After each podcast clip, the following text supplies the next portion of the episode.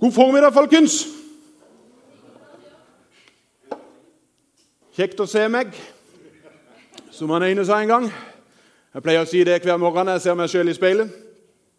Det må du òg begynne med. Det er veldig bra å se seg sjøl i speilet og si 'du verden, for et deilig syn'. At, eh, ikke glem det, at du er et Guds skaperverk, og han har ikke vært eh, dårlig når han lagde deg. altså, det skal jeg love deg. Så, at, eh, så, du har all grunn til å være glad. Du, eh, For dere som ikke kjenner meg, så heter jeg Tore. Jeg pastor her i menigheten. Et privilegium, altså. Jeg sier det igjen og igjen til alle dere som husker på oss i bønn. Tusen, tusen hjertelig takk. Vi hadde aldri holdt dette gående hvis det ikke var for forbønn. Eh, en del av dere var her på, på, faktisk på torsdag. Da hadde vi eh, årsmøte her i menigheten. Det var en fantastisk flott kveld der vi virkelig kunne fryde oss litt sammen, og vi lo masse. Og så valgte vi et nytt eh, styre. Eh, det er den gjengen her, og de syns dere skal få lov til å gi en god applaus. altså. Dette er bra folk. Eh, jeg er meget heldig som får lov til å jobbe i sammen med så bra folk. altså. Det må jeg si. Og, du, De siste eh, tidene nå så har vi eh, hatt en tema gående eh, nesten i hele år. Eller faktisk i hele år. Som vi har bare kalt for Plutselig ikke på line her. Der. Sammen med Jesus har vi kalt han. Der vi har gått gjennom en del forskjellige ting, der vi har prøvd å sagt hva er det Jesus ønsker å lære oss i vår vanlige hverdag. Når vi går sammen med han. Hva er det han på en måte ønsker for våre liv? Og Sist søndag så eh, begynte vi å snakke om at Jesus ønsker at vi skal ha balanse i livet. Og Vi begynte å snakke om at eh, et av de store balansepunktene som er en, en mangelvare i, vår setting, det er hvile. Og at eh, vi faktisk har fått en hel hviledag til å hvile. Til å på en måte bare nyte. Og det flotte er at vi trenger ikke å gjøre oss fortjent til å hvile. Det er ikke noe først når vi har jobba oss halvt i hjel, at vi fortjener hvile. Nei, nei, vi kan gjøre just det samme som det Adam gjorde. Det første mennesket på jord. Det første han gjorde, det var å hvile. Han fikk en hel dag Starta hele greia med å hvile i sammen med Gud og vandre i sammen med Gud og gå tett i sammen med Han. Så hvis du tenker oi, den talen der hørtes himlende god ut Det var han jo. Kjenner han som talte han? Ganske godt. Så kan du gå inn på Spotify eller noen av de andre sosiale på nettsida vår, og så kan du høre talen om igjen. Men det er én ting som vi skal løfte opp i dag, som er faktisk, tenker jeg, like viktig som hvile. Hvile er viktig. Men det er noe annet som er meget så viktig. Hvis du har med deg Bibelen, så skal du få lov til å slå opp i, et, uh, i Matteus evangelium. Det er det første boka i Nytestamentet. Så skal vi lese noe der før vi hopper inn i en av de beretningene som jeg synes er gøyest i hele Bibelen. Det er sånn at Hver gang jeg leser den med min ville fantasi, så blir det et fryd av et spedakkel og fryktelig gøy. Eh, og, og Det skjer så mye detaljer at det er bare sånn Wah! Her skulle noen ha lagd en skikkelig god eh, story på det. Eh, men ta med deg fram Bibelen, Matteus kapittel 22. Skal vi lese noen vers der som jeg tror kanskje ganske mange har hørt før? Om du er vant med å gå i kirka eller ikke. Og Der stender det nemlig dette. Jesus sier dette. Du skal elske Herren din Gud. Av hele ditt eh, hjerte og av hele din sjel og av all din forstand. Dette er det første og største budet. Vet du noe? Dette er egentlig det ene balansepunktet vårt. Dette er vår hvile. For Bibelen sier òg det, at ingen av oss elsker Gud først. For det står at Gud elsker oss først. Han var det som elska oss først. Vi elsker fordi han elsker først. Så det gjør at Når vi elsker tilbake igjen, så handler det om at vi har fått lov til å erfare hvilen i Kristus. Fått lov til å erfare hva det vil si å være frelst, hva det vil si å kjenne på at, som jeg sa sist søndag, at vi kan hvile med hele vår tyngde og slappe av i hans hender. Der er utgangspunktet for å elske Herren vår Gud. Men så fortsetter Jesus med å si dette her. Men det andre og så hør hvordan stender. Og det andre er like stort. Det er ikke sånn at du skal elske Gud. Det er stort. Og så er det sånn ja, elske min neste. Det er ikke fullt så viktig. Jesus sier dette. Dette her er likevekt. Balansepunkt. Du skal elske Eh, Det andre er like stort. Du skal elske de neste som deg selv. Altså, jeg skal hvile i Kristus og elske Han. Men like viktig er det at jeg skal elske min neste. Noen som virkelig virkelig hadde forstått dette, her, det er noen som du kan lese om i Markus. Markus kapittel 2. og Der er det en fantastisk, fantastisk beretning. Der kan vi lese fra det første verset, så stender det sånn Noen dager senere kom Jesus igjen til Kapernaum. Og det ble kjent at han var hjemme. Altså Kapernaum det var den byen som Jesus hadde slått seg ned i. Det var det som var hans hjemby. Det er som altså eh, Noen bu i Porsgrunn, noen bu her på vestsida. Og akkurat denne dagen her så er han hjemme. Han er ikke rundt og farter i det hele tatt. Han er hjemme. Og så kan vi lese videre. Det samlet seg så mange at det ikke var plass. Ikke engang utenfor døra. Jeg er i den situasjonen at Sissel og jeg inviterer av og til folk. Vi har til tider hatt mye folk. Men vi har til gode å komme dit hen at det er kø på utsida. Det hadde forresten vært utrolig moro. Jeg tror kanskje en eller annen nabo hadde ringt til noen og sagt du, hva er det som er greia her. Vi hadde en gang så mye folk hjemme hos oss, eh, og så kommer det plutselig politi på besøk. Da var det noen i nabolaget vårt oppe på Stridsklev som lurte på hva er det som skjer i det huset nå. For nå står det politibil på utsida. Det var bare det at det var en av våre som går her, som akkurat da var i tjeneste i politiet, og som kom innom for gøy. Eh, men jeg kan love deg at det var noen av de som stussa når det kom to uniformerte politifolk inn i stua. Da var det noen av de som var på besøk, som var litt sånn Wah! Hva skjer her? Men den dagen hjemme hos Jesus så vil jeg tippe at da var det litt mer sånn Wah! Her var det trangt! Veldig mye folk. Og så stender det videre Mens han forkynnet ordet og dette her er helt utrolig, mens han forkynnet ordet for dem, kom de til ham med en som var lam. Og Nå begynner min fantasi å gå fort her. Det var fire mann som bar ham, men de kunne ikke komme fram til ham pga. trengselen. Derfor brøt de opp taket over stedet der han var, laget en åpning og firte ned båren som den lamme lå på. Du skal jo ikke ha mye fantasi for å se dette før. Jeg skal bare se dette før meg, for greia er nemlig det. Disse her fire her må ha fått med seg at Jesus er en fantastisk type. Altså, jeg skal elske Herren min Gud. Men vi har omsorg for han som ligger her på båra. Og så begynner de å si, 'Hva gjør vi med det?' Og så begynner de å snakke seg imellom. 'Jo, vi kan jo dra den med oss. Vi kan jo bære.' Og så begynner de å bære, og jeg ser det litt før meg. Hvis du har sett noen YouTube-filmer når de henter folk ut fra fotballbanen Hvis ikke du har sett noen av de klippene, Folk som ikke er vant med å bære folk. Det blir fort mye kaos ut av det. Men her er det fire stykker som kommer, og når de har gjort en heidundrende arbeid, så kommer de til det punktet at de kommer ikke inn. Da er det heldigvis en av de nordlending som bare slår til og så sier vi, bare, bare kjør han opp på taket, gutta. Og så bryter vi det opp. Det blir så bra! Det er klart at er det med deg en sørlending der, så kan jeg være lovet at han stender på og kikker litt sånn Jeg kan ikke si jeg liker det noe særlig. Det er tross alt heimen til Jesus. Hva tror du han tenker hvis vi bryter opp taket til det, det huset hans? Og Så heller de det gående, og så sleper de han opp. Der er sannsynligvis ei trapp på utsida, der er flatt tak. Og Jeg bare vet det at jeg har vært med og båret noen opp ei trapp. Men når du er fire mann som skal bære en lammein opp ei trapp, så blir det ganske kaos oppover der. tenker jeg. Og Når du endelig har fått den opp der, så begynner du prosjekt. Vi bryter taket, gutter. Og Jeg er fortsatt sikker på at sørlendingen var ikke den som bidro mest. akkurat der. Nordlending han dro på og kjente at dette her blir bra. Vi må jo få han inn, gutter! Vi elsker han jo, og han må møte Jesus!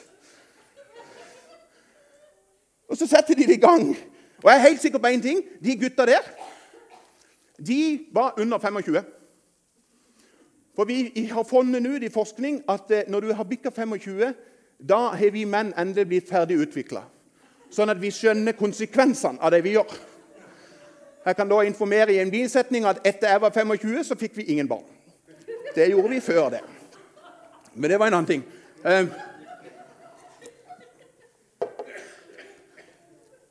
Da skjer det noe fantastisk. Da stender det dette. Da Jesus så deres tro, sa han til den lamme Sønn, syndene dine er tilgitt. Vet du noe? Jeg tror kanskje det er den nydeligste tingen jeg noen gang har hørt over mitt liv. Når Jesus sa til meg, 'Tore, syndene dine er tilgitt. Det var altså et, sånn et, et, øyeblikk i mitt liv der jeg bare kjente Wow! Hvis du aldri har erfart at Jesus har sagt til deg dine synder er tilgitt, uansett hva det er for noe, så er de tilgitt. Jeg garanterer deg, du vil erfare det samme som det jeg opplevde. At når han sa det over mitt liv, så var det som om 100 tonn forsvant ifra meg. Og kjente bare plutselig på en, en enorm hvilesituasjon. Der jeg ble høyt elska og kjente at jeg kunne få lov til å elske Gud tilbake igjen. Og så kunne jeg få lov til å hvile der. Kjenne på full fred, en full glede og en visshet om at jeg var frelst. Men så skjer det noe interessant i beretninga. Så stender det nå satt det noen skriftlærde der, og de tenkte med seg selv. Det er jo alltid noen sånn besserwissere rundt oss som alltid har noe lurt de skulle ha sagt. Hvordan kan han si slikt. Han spotter Gud. Hvem andre kan tilgi syndere enn én, og det er Gud? Straks, straks visste Jesus i sin ånd at de tenkte slik. Og han sa til dem, hvorfor, deres, hvorfor går dere med slike tanker og hjerte? Hva er lettest å si til den damme? Syndene dine er tilgitt, eller stå opp og ta båren din og gå? Men for at dere skal vite at menneskesønnen har makt på jorden til å tilgi syndere. Og nå vendte han seg mot den lamme. Jeg sier deg, stå opp, ta båren din og gå hjem. Og mannen reiste seg, tok straks båren og gikk ut rett for øynene på dem. Så alle ble eh, ute av seg av undring. De priste Gud og sa, noe slikt har vi aldri sett. Vet du noe? Her gir Jesus oss en fantastisk illustrasjon på hvordan mange av oss her inne har opplevd. Jeg skal iallfall snakke for min del. Når jeg erfarte at han sa over mitt liv dine synder er tilgitt Vet du noe? Jeg var akkurat som den lamme. Ikke sånn fysisk sett, men åndelig sett. Så var jeg i samme situasjon. Det var nemlig noen andre som hadde båret meg til Jesus gjennom bønn, gjennom å invitere meg til gudstjeneste og møte, gjennom å på en måte være med og fjerne noen takstein og noe takpapp og noe annet papp. Alt for å rydde vei i et tankegods i hodet mitt, sånn at jeg skulle få lov til å møte Jesus ansikt til ansikt. Og så skjer det samme med meg som skjedde med den lamme. Etter han hadde sagt at 'jeg har tilgitt deg alt', så la han meg ikke ligge der og hvile. Nei, nei, nei. Han utruster meg og reiser meg opp, og så sier han, 'Gå! Gå og elsk din neste.' Du har mottatt så mye. Gi det videre til de du møter rundt deg, sånn at andre kan få lov til å erfare det samme. Tore, no, noen har båret deg. Nå er det på tide at du bærer noen andre. Noen har elska deg. Nå er det på å si at som du elsker meg, skal du elske din neste. Det å være med i sånne bæreopplegg, det å lede andre mennesker til Jesus, det kan til tider være krevende. Derfor må jeg si at jeg syns det er fantastisk at det står i denne beretninga at de er fire stykk som er i et bærelag. At de gjør det sammen. De er liksom ikke alene. I norsk kultur så er det faktisk en liten utfordring. Jeg vet ikke om dere har fått det med dere, men Harald Eia jeg har veldig sansen for han. Harald Eia har starta en ny serie på TV som kalles 'Sånn er Norge'. Morsom fyr. Og Så er han litt gløgg, og så har han forska bitte grann, og så har han tatt litt sånn tempen på hvordan er egentlig dette landet vårt. Og Først i programmet sitt så spør han seg hva er typisk norsk. Hva er det som er mest sånn kjempetypisk norsk? Er det veldig typisk norsk å være rik? Nei, det er det ganske mange andre land også med. Er det veldig typisk norsk å være god? Ja, Ifølge en gammel statsminister så er det det, men det er jo bare en slogan som kom i sin tid. Altså, vi er ikke veldig mye bedre enn noen andre. Er det veldig typisk norsk å være arbeidsom? Altså, vi gir på, vi arbeider og står på. Det er iallfall ikke sant. Det er knapt noen land i verden som jobber så lite som Norge. altså. Alle andre land jobber ekstremt mange flere timer i uka enn det vi gjør. Og så har Harald Eia begynt å forske. Skrap da. Og så har han funnet ut at det som er typisk norsk, det som skiller oss ifra alle andre, der vi står på tronen alene, det er det er typisk norsk å være uavhengig. Jeg trenger ingen andre. Jeg kan stå på egne bein. Og vi hjelper jo våre barn med å gjøre dette her. Men du må stå på egne bein.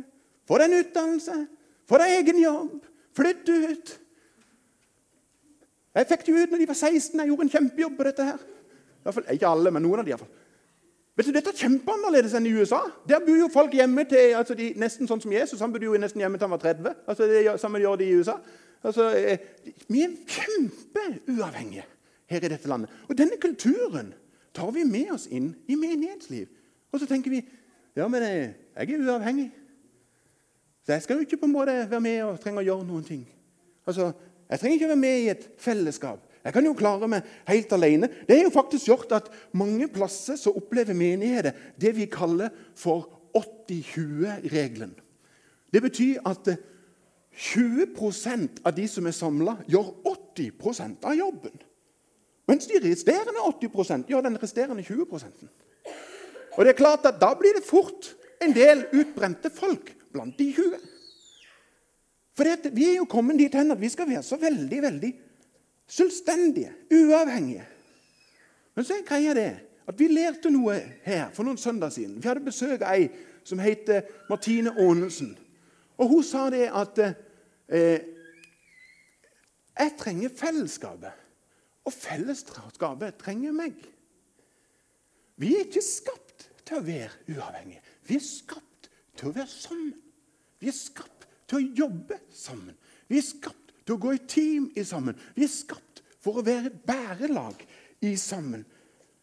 Både til å tjene, men òg til å hvile. Det er derfor vi kommer sammen på en søndag. For å hvile sammen i en gudstjeneste. For å ære Han. Det er derfor vi står på sammen i søndagsskole. For å gi det videre. Jeg trenger fellesskapet, og fellesskapet trenger meg. Hvis noen lurer på hvorfor jeg drikker mye vann i dag, så er det fordi at i går så fant jeg en veldig saltchips. Den sitter litt igjen. Jeg har lyst til å være nokså konkret på hvordan kan du være med og tjene Jesus og være med i et bærelag. Jeg har lyst til å gi deg noe helt sånn hands on. Så er det ikke sikkert alle disse hands on-tingene er noe for deg. Men jeg garanterer deg at noen av de er det. Den ene tingen er det du kan være med og be. Vi kan alle være med og be. Jeg skal love deg én ting. Før jeg ble en kristen, så hadde jeg noen som ba for meg, og som ba intenst om at det der må på en måte gå noen takstein vekk fra hodet på den mannen der. Vi må på en måte få et eller annet som gjør at han kan si Jesus. Og Jeg er nokså sikker på det at disse herrene fire guttene som var med og bar denne her ene lammet de, Spesielt sørlendingen. Han var veldig. Akkurat idet de skulle fire han ned, så tenkte han kjære Jesus, la meg ikke miste taket nå. Dette blir flau fortelling. Kan jeg gi dere en liten digresjon? Vet du noe? De fire guttene der de ødela en tale til Jesus. Ingen har huska å skrive hva Jesus egentlig holdt på å tale om. Du tenker på det noen gang. Der denne Jesus og holder på med tidenes tale. Det er stinn. Ingen har huska å notere hva han holdt på å si. For det kom fire gutter som var veldig fokusert på at vi har bedt for han her, og han må møte Jesus. Vi kan alle være med og be. Den andre tingen vi kan være med på, det er smil. Du skal aldri undervurdere et ekte, varmt smil. Å møte et smilende menneske, det gjør noe med deg. Og jeg er 100% sikker på at det første den lamme mannen så på vei ned, det var en Jesus som smilte ifra øra til øra. Og som sa 'Sånn en M3 har jeg aldri sett før. Dette var ganske kult.' Men vi kan alle være med og gi et smil. Vi kan alle hvis vi vil, være gjestfrie. Jesus har jo lært oss det i denne her beretninga. Han var gjestfri. Han sa aldri at 'nå er det fullt'. Vi kan alle være gjestfrie på en eller annen måte. Vi har alle noen vi kan invitere. En nabo, en kollega, en venn, en som du har lyst til å bli venn med. Noen du ikke kjenner. Altså, Du trenger ikke å dra det så langt som Sissel og meg. For vi er jo litt sånn helpropell. For en tid tilbake siden så kom jeg kjørende fra Sørlandet på vei hjem til Porsgrunn.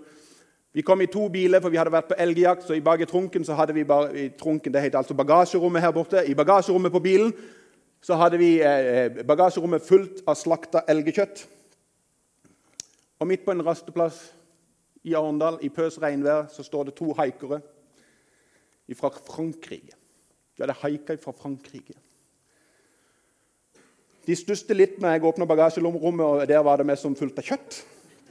I blodige dunker. Og så sa jeg du må bare være med meg. Det, det, vi bare slakta litt. Og så bare, ja vel. Men det ble en sånn hyggelig samtale at vi rett og slett bare inviterte de hjem. Og så sa vi dere kan bare overnatte hvis dere vil det. Og vi fikk tidenes kveld liksom, med to unge franskmenn som var på haiketur. Og som sa det er første gang at noen har invitert oss hjem på hele turen. Stort sett har vi leid ute i regnvær i telt. Men vi har haika med mange. Men vi kan være gjestfrie. For det er Jesus var det. Du og jeg kan være frivillige. Vi kan være med og gjøre tjeneste i sammen. Og Spesielt når du er i en menighet, så kan vi absolutt oppleve å være i et fellesskap der vi bærer folk til Jesus i sammen. Og her kan vi være med og utfylle hverandre. Her er det plass til alle. Altså Hvis du er høy, mørk og handyman, så er det av ting å henge fingrene i i dette huset. her. Altså Hvis du er lav og lys og handyman, så er det masse å gjøre for deg òg. Altså. Men altså, her trengs det, altså, ingenting her inne har jo blitt til med en tilfeldighet. Altså, det er noen som har malt her inne, det er noen som har støvsugd, det er noen som har vaska, det er noen som har stelt i stand, det er noen som har rigga til. Alt for at når vi kommer inn her, så skal det være lagt til rette for at vi kan bli knytta til Jesus. Altså, Hvis du er den typen som elsker å hilse på folk Ja, vi trenger folk som kan stå i døra og hilse på folk. Hvis du er sånn en type som tenker jeg digger ungdom, og jeg er meget ungdommelig til sinns, har iallfall veldig lyst til å være ungdommelig til sinns, så er det garantert plass for deg i et ungdomsarbeid. Kan jeg gi dere et tips, dere som er foreldre, mor, far eller besteforeldre? for den saks skyld? Aldri tenk at når mine barn blir store, da skal jeg være med i et ungdomsarbeid. Når de er så gamle at de kan inn i ungdomsarbeidet, da skal jeg bli med. Nei, nei, nei. Gjør det motsatte.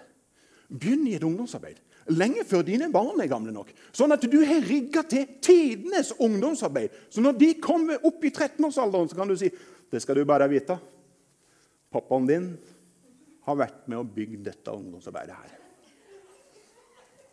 Jeg vet ikke om det var så bra, men altså, jeg, jeg, gjorde det når mine unger var små. Jeg tror Fire-fem år før de var gamle nok, så begynte jeg i ungdomsarbeid. Følte meg veldig gammel. Trodde jeg var veldig ung til sinns. Men når du, første du spør noen om, det er hva heter du, og det neste du spør om hvem er dine foreldre, og så kjenner du foreldrene og besteforeldrene, men kiden framfor deg kjenner du ikke. Da skjønner du du er litt gammel, tror jeg. Men det er en plass til andre. Hvis du digger å være sammen med barn altså Vi har en søndagsskole som sprenger alle grenser. Som trenger frivillige hender. Som sier at eh, vi vil være med i et bærelag som bærer barna til Jesus. Her er det rom for absolutt alle, uansett. Inviter. Hvor lenge siden er det sist at du inviterte noen med deg til en gudstjeneste eller søndagsskole? Vi ønsker alle at det skal komme flere folk, men veldig få av oss inviterer. Pastoren er ikke noe bedre, altså, bare sånn at det er sagt. Men det er litt rart. Fotballelskere de inviterer til fotballkamp. Skal vi se en fotballkamp sammen, gutter? Folk som liker film, inviterer jo til filmkvelder. Vinelskere de inviterer til vinkvelder der vi kan få lov til å smake på vin. Og så videre og så videre. Men, men vi som sier vi elsker Jesus, vi sliter plutselig med å invitere inn i hans fellesskap. Sånn burde det jo egentlig ikke være. Kanskje vi skal utfordre hverandre til å gjøre et eller annet med vårt tankegods om vår, hvordan vi kan invitere mennesker inn i vår setting. For å tydeliggjøre hvordan du og meg på best mulig måte kan få et balansepunkt i vårt liv mellom det å hvile og det å være med i en tjeneste, det å elske Herren vår Gud og elske vår neste. Så har jeg rett og slett tatt med meg en bolle. Det er sikkert noen av dere som har lurt på hvorfor jeg har hatt med meg en bolle i dag. En koselig glassbolle. Hvis denne glassbollen her symboliserer din tid. Det er din tilmålte tid. Dette er 24 timer. Det er dette som alle vi får. Hver morgen så får du 24 timer. Vær så god. Bruk det til hva du vil. Det rare er at veldig mange av oss sliter med at vi kjenner på at vi har altfor mye å gjøre, og det er strevsomt og det er ubalanse i livet vårt. Og Det rare er at vi ofte gjør sånn som dette her. Det er at vi først fyller på med en hel masse ting som er helt uvesentlig i vår sammenheng. Ting som vi tenker er viktige, men som kanskje ikke egentlig er så viktige. Istedenfor å plassere de tingene vi mener på er viktige. De havner ofte litt sånn på toppen, og så ser du dette er det ikke tid til. En av de store, viktige tingene vi ofte sier, det er at eh, familien den er viktig. Men problemet er at eh, folk sliter i, i familien og ekteskapet. For greia er at det er så fullt at de klarer jo ikke å få den ned i mitt tidsperspektiv. Noen sier jo det at eh, trua mi den er viktig, menighet er viktig. Men jeg har jo ikke tid til å være med på menighetsliv, for det er jo så mye annet som skjer. De fleste av oss har en eller annen bitte liten hobby. Men jeg sliter av og til nesten med å få tid til den òg. Det rare er at om du og meg gjør en bestemmelse Og En del av dere har sett denne illustrasjonen før. Men allikevel så går vi i samme fella hver gang. Det rare er at hvis vi velger å først få på plass de store tingene Altså, Jeg vil først få på plass at jeg har god tid til min familie. Jeg vil ha en god plass til venner. Venner er kjempeviktig. Jeg vil ha en god plass til tro, til menighet. Jeg vil eh, ha arbeid, studie, kjempeviktig. Helse er viktig. Hobby er viktig. Og så kommer jo bare da alt dette her andre. Altså Facebook og Netflix og Instagram og TV og gambling og mobil og nettbrett og aviser og Alt dette her som er jo litt sånn morsomt. Det er ikke noe galt med det. da. Og det rare er at Hvis du får de første tingene på plass, så er det faktisk plass til alt sammen. Men det må de første tingene inn først. De store, viktige tingene må inn før du kan begynne å fylle livet ditt med alt det som faktisk egentlig ikke er så viktig. Det som vi tenker er viktig, men som ærlig talt ikke er det. Det er det allikevel plass til. Av og til så fikk jeg spørsmål når våre barn var mindre. Du, Var det vanskelig å få bestemt dere om dere skulle få gudstjeneste i dag? Var det sånn at dere sjekka været? Skal vi i dag, eller skal vi ikke i dag? Så sier jeg nei, vet du, det er ikke noe problem i det hele tatt. Vi avgjorde at vi skulle gå på gudstjeneste for åtte år siden. Så vi går rockes om. Det er søndag, og vi går til gudstjeneste. De gangene ikke jeg er her og taler, og jeg er en annen plass, jeg skal love deg, er det søndag jeg er på gudstjeneste. Så sant å si jeg finner en menighet å gå, på, gå i. Det er noe med å få på plass de viktigste tingene først. Du som av og til sier dette, vi sliter litt på hjemmebane i familien vår. Hvor mye plass for familien. Er det på en måte forankra godt ned? Du som sier at vi sliter litt med å få tid til menighet. Et menighetsliv noe som er forankra dypt ned først? Vennene dine, hvordan får de prioritert? Eller kommer de litt sånn ut i Netflix-opplegg eller et eller annet? Det er noen ting som må på plass før vi tar de andre tingene. Og Hvis vi virkelig ønsker å ha balanse i vårt liv, så har Jesus sagt det. Du skal elske Herren din Gud. Og så skal du elske din neste som deg selv. Det er det beste balansepunktet for alle mennesker. For alle mennesker. Jesus, vi takker deg for det at eh, du har hjulpet oss til å se at du ønsker å skape balanse i vårt liv.